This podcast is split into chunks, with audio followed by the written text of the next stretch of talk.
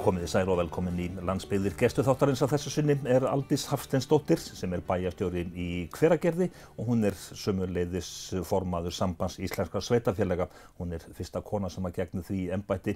Aldís, já, sumarið er komið samkvæmt almanakinu. Hveragerði er svolítið svona sumarbæir. Já, okkur finnst það. Og það er svo gaman að því að sumardagurinn fyrsti er svona auðvitað, sérstakur í hugum landsmanna og fyrir okkur hvergeringa ekki síður því að þann dag þá bjóðum við svona í fyrsta skipti öllum í heimsókn. Hveragerði eru svona sumar bærin, fólk hefur komið til okkar til að kaupa sumablómin og fá sér ís á góðveru stöðum og annað slikt og sumardagurinn fyrsti markar svona upphafið að því. Þá koma fjölmargir til Hveragerði svo njóta þess að heimsækja Garðvíkskólan mm. sem opnar, sín, opnar fyrir gestum í dag. Mm. En ég bara svona fyrir höfuborgabúan, þetta er vinsall rundur. Já, hveragerði hefur alltaf verið vinsall rundur og, og eh, er það ennþá. Var það sérstaklega hér á árum áður þegar að Reykjavíkingum fannst algjörlega tilheyra að fara í sunnundarspíltúrun og fá sér ís í Etin eða í Mikkelsen. Mm. Við vorum líka með svona, já, aðteglisverðar, eh, aðteglisverðar hluti til að skoða það var talandi kráka í Eden og það var api í Mikkelsen þannig að þetta þótti svolítið sérstatt á sínum tíma mm. og ennþá er það þannig að fólk kemur til hveragerisbæðar til þess að fá sér gott að borða, kaupa sér ís, kaupa sumarblómin, eh, kíkja á garðekjustöðarnar, fara í sund, njóta þess að ganga á, í gönguleðunum sem við erum með nægt frambúð af mjög skemmtilegar þannig að hveragerði er klárlega sumabærin, er rétt hjá þér. Eh, þið farið svona, ég bara fljótlega skulum við segja að slá í 3000 íbúa. Já, núna eru við 2650, samkvæmt nýjustu tölum, bæjastjórun fylgist mjög vel með íbútölunni, held utan um hvern einasta mann. Og ekki það við sem er einni keppni um að verða stæst, það er alls ekki. Og hverjargersbæri getur ekkert verið í þeirri keppna því við erum eitt landminsta sveitafjöla á landinu. En það breytir því ekki að það hefur verið mikil ásókn í að flytjast til hveragerðisbæjar og, og það má segja að húsnaði hafi verið svo til uppselt á síðustu tveimur árum og miklu færri fengið en hafa viljað koma og við erum mjög ána með það. Hvers vegna er þetta og hvers konar fólk er að flytjast til eitthvað? Alls konar fólk. Það er mikið, eh, já auðvitað mikið af fólki frá höfuborgarsvæðinu sem er að sér okkur sem valkost, vil kannski vinna áfram e, á sínum gamla vinnustad en flytja kannski aðeins út úr skarkalanum og losna við umferðina, losna við þetta svo kallaða skull. Hjá okkur geta krakkar lappað í allt, þannig að foreldrar eru ekki bundin við að vera skuttla. Þannig að það er svona, við bjóðum öðruvísi lífstíl, öðruvísi lífsgæði, en við erum samt í túnfæti höfuborgarinnar. Við höfum stundum orðað þannig, við bjóðum landsbyðar lífsgæði í túnfæti höfuborgarinnar. Við getum sótt alltaf besta til höfuborgarsvæðisins, en við þurfum ekki að gera það frekar en við viljum. Hafið þið látið í að mæla svona í ánæju í búa? Já, já, við gerum það og það gerum við mikill gleði vegna þess að uh, þessar mælingar hafa verið að koma mjög vel út. Við höfum tökið þátt í henni svo kallið ánæjuvók í búa og uh, hveragerðisbær hefur undanferðin ár verið þar í efstu sætum og núna í síðustu könnun bar svo við og við vorum nú hafmyggjusum með það að hveragerðisbær stimplaði sinn sem það sveitafélag, það sem mest ánægja ríkir með þjónustu sveitafélagsins og það eru þetta mjög gaman að því, ekkit að því að okkur langar endilega til að eh, vera best í þessu heldur að því það sýnir það að íbúarnir eru ánæðir. Þeir eru ánæðið með, uh, með þjónustuna sem bæjarfélagi veitir, þeir eru ánæðið með umhverfið, ánæðið með svolítið með, hver, með hvern annan og með þann andar sem ríkir í bænum. Er hver að gera svefnbær? Nei, við sofum auðvitað eins og það er, þetta er ekki. Mm. Það er mikil starfsem í hver að gera spæ og um, til dæmis stærstu vinnustöðarnir hjá okkur eru mjög fjölmennir. Heilsustofnun Náttúruleikningafélags Ísland sem hefur verið reygin í tíu ára með miklum glæsibrak í hveragerði ætla að sé ekki, já það er vel rífilega hundra starfsmenn þar, svipað á dvalarheimilinu áseg sem er eitt stærsta dvalar- og hjókunaheimilið á landsbyðinni og uh, síðan eru fjölmörg önnu fyrirtæki, bara hótel og veitingastæðir, þeim hefur fjölgað mjög mikið og alls konar auðvitað þjónust þessum tilheyri því, fyrir auðvitað auðvitað stopnarnir og, og annað, svo má nú ekki gleyma Kjörís sem er eitt sem er stærsta yðinfyrirtæki á staðin. En ja, til þess að ána í vógin hún stýi þetta hátt að ég sveita félagið það svona, ég hlýtur að leggja sitt að mörgum með margvistlegum hætti eh, til dæmis að hafa sem fjölskrúðasta félagslíf. Já, já. Hveragerðisbær eins og önnu sveitafélag á landinu setur heilmikla peninga í bara menningu, í íþróttastarfið, í umhverfið og það sérst. Uh, og það en aftur á móti er svo gaman að því að um leið og bæjarfélagi gerir þetta og leggur sitt að mörgum þá koma svo aðrir á móti. Það myndast bara svona ákveðin menning og núna er orðið þannig að bæjarfélagi þarf ekki að standa fyrir tónleikum. Það eru nægir tónleikar sem að bara veitingastæðinir og, og standa fyrir en auðvitað við setjum ok, leggjum okkar á mörgum að sjálfsögðu og á hennum ímsu sviðum. Og það er kannski svolítið gaman að því að eitt alls skemmtilegsta verkefnið sem er svona allavega ég hef komið að er akkurat í gangi núna. Og það er heilsueflandi verkefni fyrir íbúa hveragersbæðir 60 ára og eldri. Og um, hún Jónína Benediktsdóttir sem er nú Íslendingum á góðu kunn fyrir kunnotti sína í Íþróttafræðum hún fór í samstarfið okkur og við bjóðum sagt eldriborgurum, eða ekki eldriborgurum, fólki sem er 60 ára og pluss upp á ókjöpus heilsueflandi námskeið og þetta hefur algjörlega slegið í gegn. Ég mann bara held ég aldrei eftir svona mikilli almennri ánægu með nokkur eitt verkefni eins og þetta. Og ég, ég get ekki betur séð en að þessi aldursópa sé fyrir að bera sig með meiri reist og þau segja mér að þeim líði betur í liðunum, þau eru búin að stunda gungur og sund og komin í liftingar og alls konar fyrirlestrar og, og og svo er annað sem þetta hefur í för með sér, það er þessi, þessi samvera. Þannig er yfir 90 manns skráði í þetta líkamsrættar áttak og þau hittast reglulega yfir vikuna. Það búið myndast svona mjög góður kjarni og það er ofsalega góður andi og þetta gerir að verkum að fólki, já það er ekki jafn einmanna, það kynnis betur, finnst það til þeirra hópi og ég held að þetta skipti sko allra mestu máli þegar við erum að búa til samfélag. Það er að búa til samfélag sem fólki líður vel í, sem fólk vil búa í og þér finnst einhverju þykja væntu um þig. Og kannski þarf ekki að kosta svo mikla fjármenni? Nei, það þannig ekki að kosta miklu til. Þetta er ekki kostnaðar samt fyrir bæjarfélagið en mér finnst við verið að fá alveg óbúslega mikið út úr þessu fór, bara með ánæðari íbúin og um það snýst þetta. Þegar þú svona, ert í matföru vestlunni og hittir þitt fólk, hefur svona, hafa íbúar raunverulegan áhuga á starfsemi sveitafélagsins, hvaða nafni sem að, það er ennú gefið? Það eru næstum engir sem spyrja mig út í rekstrarafkomi sveitafélagsins, ég man bara ekki eftir neinum. En uh, fólk hefur áhuga á því að þjónustan sem veitir sé góð og í lagi. Ef að það misbristur á því þá hefur að sjálfsögðu áhuga, þú vilt átt að laga það. En hvort að reksturinn eh, skilar 20 miljónum í pluss eða 100 ég held að fólk sé almennt ekkert að velta sér upp úr því. Það bara treystir sínum kjörnum fulltrúum fyrir að gera eins og vel og við getum til hagspóta fyrir bæjarbúa og ef það tekst þá er fólk ánægt Skiptum aðeins um Gýr, þú ert formaður sambands íslenska sveitafélaga sem fyrsta konan sem að gegni því ennbætti.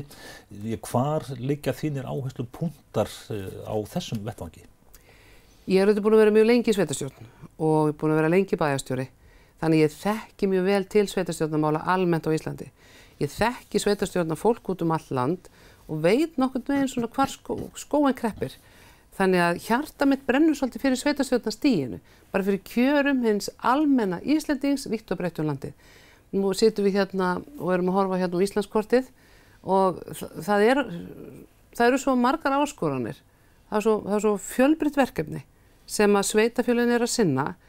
Til þess þurfa þau auðvitað fjármunni og þar kemur sambandi stertinn í þessa hagsmunageðslu sveitafélagana gagvat ríkinu. Þannig að fjárhæsli samskipti ríkis og sveitafélag er svona það sem að skiptir hvað mestu máli en ef þú spyrð svona að svona mínum hjartansmálum þá til dæmis er nú bara næstu því að verða búið uppfylla eitt af þeim mm. sem er lengi í hvæðingarólósins. Það er mál sem að e, sambandi sett á ottin e, og svona bara almenn, e, almennar lífskjarabætur til fólksins í landinu og líka að reyna með öllum tiltakum ráðum að viðhalda byggð í þessu stóra og viðfæðma land okkar. En bara það eitt sem sagt að, að lengja fæðingarólofið í tólmániði, en síðan er sveitafélagin, þau eru að reka leikskólana og það er, sem, í sumu sveitafélagum er ekki eins og tekinn börn inn tólmánaða kannski eins og hálsás. Nei, nei, það eru rétt. En það áskorunin verður í framhaldinu að láta þetta mætast með einhverjum hætti. Þannig og það verður kostnæður auki fyrir sveitafélagin sem við þurfum auðvitað að ræða við ríkisvaldið með hvað hætti við gerum þetta en mjög mörg sveitafélag hafa aftur á móti verið að færa aldurinn sífælt neðar. Þannig að börn er að koma inn á leikskóla sífælt yngri og það hefur tekist við það vel en auðvitað vantar upp á að það sé alveg hægt. En svo má ekki gleyma því að 12 mánuða fæðingarulof hjá þeim sem eru í sambúð er aðeins lengra ef þú tekur inn í sumafríðin sem að fólk getur búið sér til og árétt á í tengslu við það. Mm. Uh, Sveitafélagin í landinu þau eru rúmlega 70 ef ég mann rétt. 72. 72. Þú sast í nefnd hér um árið sem að ég hétt Eirúnar nefndin og lagði til hansi róttaka tillögur um saminningu sveitafélag og hvernig eigi að standa að því. Núna er eitthvað gerast í, í því máli öllu saman.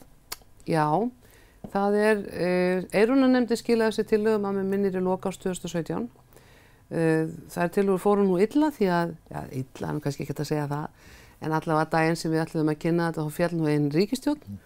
þannig að þetta lendur svona svolítið á milli skips og bryggju þar. En Sigurður Ingi, samgöng og sveitastöndar á þeirra, er búin að skipa nýjan starfsóp. Og þar er þú líka. Þar er ég líka. Mm. Og þar eru við að tala um framtíð sveitastöndastíksins með hvað hætti með ebla það til þess að gera sveitafjölum kleift að taka á móti þeim verkefnum sem við svo sannlega viljum hafa á okkar konnu. Uh, hvenar er að vænta tillagna þá frá þessum starfsópi? Það er núna bara, ég eigu að segja, handa við hodnið eða hvað? Starfsópurinn vinnur kröftulega þessa dagana og uh, við eigum vona því að geta skilað af okkur einhver tíman svona snemma vors, eða svona í vor, uh, til þess að það sé hægt að fara að kynna þessa tillögur því það er ætlunin að fara með þær í mjög viðtakt samráð í gegnum samráðskott stjórnvalda og eins líka að fulltrúar úr þessum hópi fari út á land og ræði bæði við sveitastjórnamenn og landslutasamtök og íbúa um þessar tilhugur til þess að heyra tónin og hvernig fólki líst á. En þegar maður, ég les eirunar eh, plaggið að þar er ég lagt til ég bara ansi miklas saminningar. Sko, í eirunarskíslunni er gert ráð fyrir að það verði sett lög um lámarsýbótölu og uh, ef ég man rétt þá er, svona, eh, er fyrstu tillögur er að það verði sett lög um að lágmarki verði 250 íbúar í næsta skrefi 500 og svo 1000 og þetta verði svona ákveð, takið svona ákveða ára bil þanga til við náum því þá að ekkert sveitafélag sem er farið íbúa en 1000. Núna eru þetta önnu nefnd, önnu nálgun þannig að e, við verðum að sjá hvað kemur út úr þeirri vinnu en ég held að það sé alveg ljósta með einhverjum hætti þá þarf að bregðast við þeirri stöðu að það eru sveitafélög sem að e, eru varðlasjálfbær og mjög fámenn. Þannig að og sem að get ekki sjálf syndum verkefnum sem sveitafélögum ber að sinna. Og við því þarf að bregðast. Í vonandi sem bestir sátt við alla. Eh, ef við tökum bara fjármálinn sem er nú svona einn breytan í þessu öllu saman, eh, má ekki búast við eins og eiruna nefndin eh, lagði til í raun og veru að það erði veruleg fjárhagslegu kvati til þess að leggja til saminningu? Á landsþinginu okkar sem var haldið í kjölfar kostninga hér á Akureyri síðastliði haust, þá held Sigurður Ingi ráð þeirra einmitt mjög svona stefnumarkandi ræðu um þetta þar sem hann bóðaði fjárframlög, raustnarlega fjárframlög frá ríki til að styðja við saminninga sveitafélaga. Þannig að það er ekkit óvarlegt að áalla að það geti orðið niðurstöða eitthvað í þá veru. Mm. Þetta er þá í gegnum jöfnuna sjóðin svo við þurfum nú að fara í tæknilega atriðið eða hvað? Ekkit ólíklegt en það likur auðvitað ekkit fyrir fyrir en niðurstöðan er komin en auðvitað hefur það verið rætt já.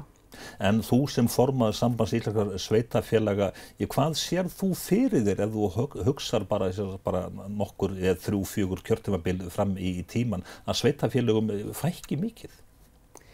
Ég held að það sé óumflíjanlegt að sveitafélagum mun fækka og þau verða stærri, þau verða öflugri en aftur á móti ég sé ekki fyrir mér, bara nú tala ég bara frá mínu sjónarhóli, ég sé ekki fyrir mér að heil og hálfu kjördamin verða einu sveitafélagi að sveitafélagi geti tekið yfir vegalengdir, svo ég tekja bara dæmi úr mínu eigin umhverfi frá höfni, höfni hornafyrði til helliseðar að því að það held ég að væri svona andstætt þeim, e, þeim tilgangi sem sveitafélagin hafa að búa til svo stór sveitafélag en e, saminning þeirra litlu einingar sem við erum með í dag fækkun sveitafélaga úr því að vera 72 og niður í kannski, hvað ég segja, 25 það er eitthvað sem ég held að framtíðin muni beri sköti sér. Þegar að sveitastjórna fólk er að tala um sammenningu þá er einmitt ég, mjög stutt eins og við erum að gera hérna í tal um, sagt, um fjármál en hinn almenni íbúi er hann mikið að spá í þetta er hann ekki nokkuð sama um hvað sveitafélagi heitir bara ef að ruslið er losað og, og, og svo framvis. Jú og ég held að það sé alveg hárétt og kannanir hafa líka sínt það að þegar íbúur eru spurðir vel flestir, þá snýst þeirra sín og sveitafélagi miklu frekar um það að þjónusta sé í lagi. Síðan getum við haft allar skoðanur því með hvaða hætti slikt er best tryggt. Hvort að það er betur tryggt að þú sem íbúi, hvað ég segja, á söðakróki fáir betri þjónustu af því að þínir bæjafulltrúar búa í sama sveitafélag og þú eða hvort að þjónustan verði svo sama þó að bæjarfullurinn búi bara á Hofsós eða sem er enda slemt að með því þau eru í sama sveitufélagi. en akkurri. En fyrst og síðast eru íbúar að kalla eitthvað góðri þjónustu. Sveitastjórnarmenn aftur á móti eru, uh, hafa áhugjur af því að, að sjálfstjórnin uh, og kannski umhyggjan fyrir einstökum svæðum verði ekki svo sama í starri einingu og einstakast svona í sumu tilfellin getur maður sagt að spórin hræða suma.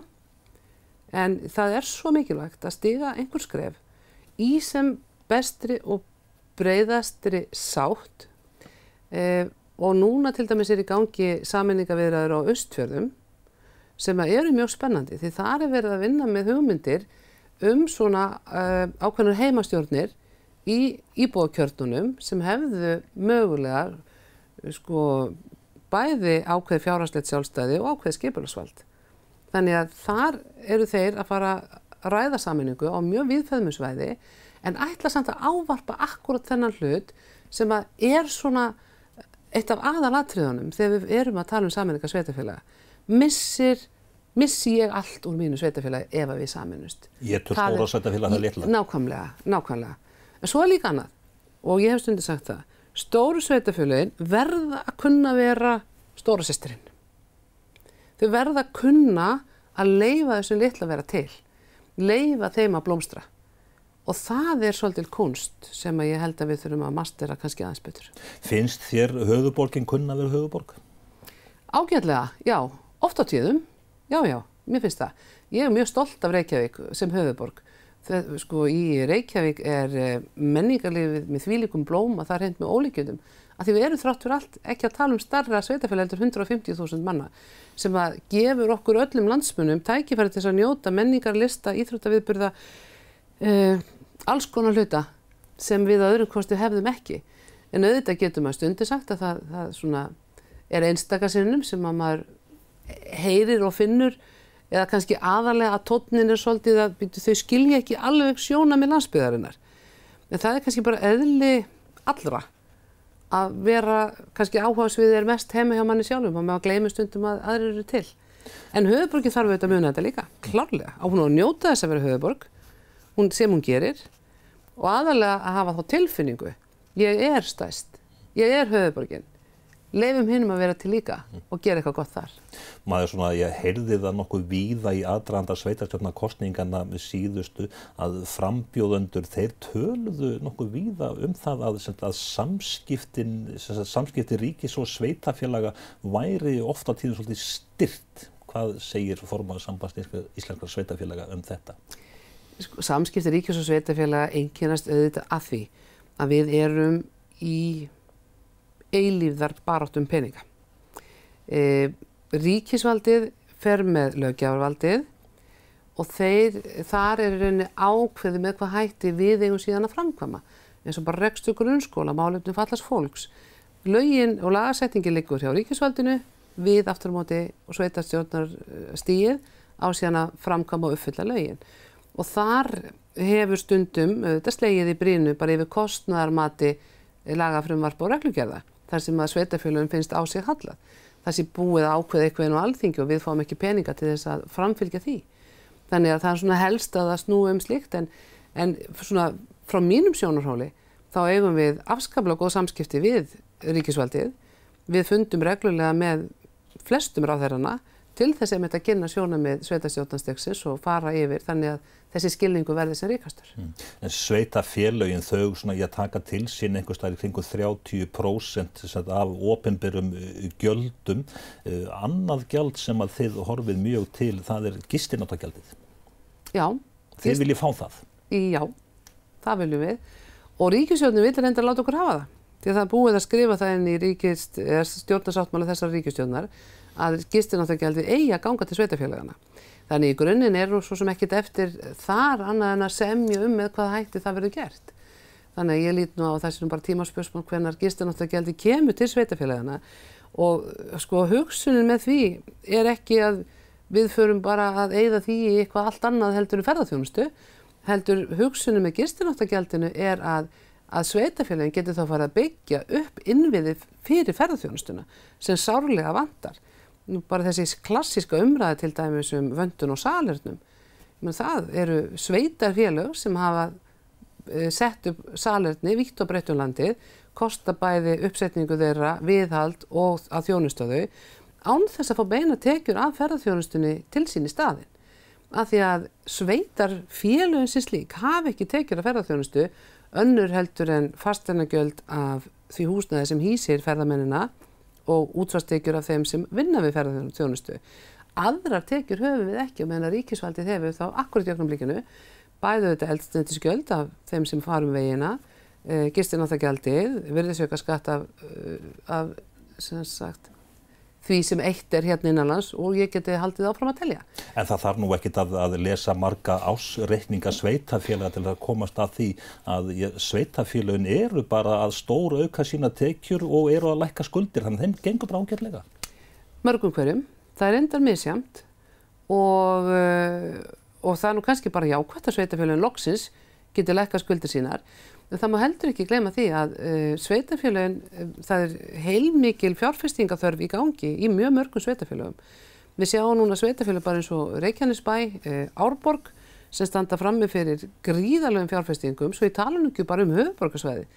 Ég er nýbúin að keira í kringum nýjan grunnskóla upp í Úlfarsvardal sem að kostar marga miljardar.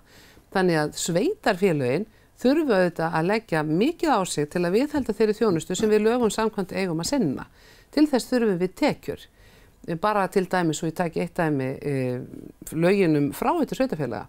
Það er uppsöfnuð þörfum útgjöld mjög mikil vitt og breytt um landið ef það á að uppfylla þau lög sem gilda um fráveitur sveitafélaga.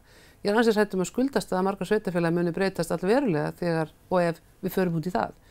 Þannig að eh, ég held að þessi, eh, það er afa mikilvægt að halda þetta til haga að tekjustofnar sveitafélaga eru einhæfir og þeir eru fáir. Og þeir eru gríðarlega viðkvæmir líka eins og núna sem við sjáum þegar til dæmis loðnubrestur verður uh, mér vitala hafa valla fundið humarinn heldur. Þannig að þetta mun hafa gríðarlega áhrif. Og um leið og útsvæstekjur lækka, er sérst launatekjur fólks lækka, þá lækka útsvæstekjur í sveitafélögum mikið líka og það sérst mikið meira heldur en tekjurskattslækunin hjá ríkinu að því ríkið er með fleiri og fjölbreyttari tekjustofna. Mm.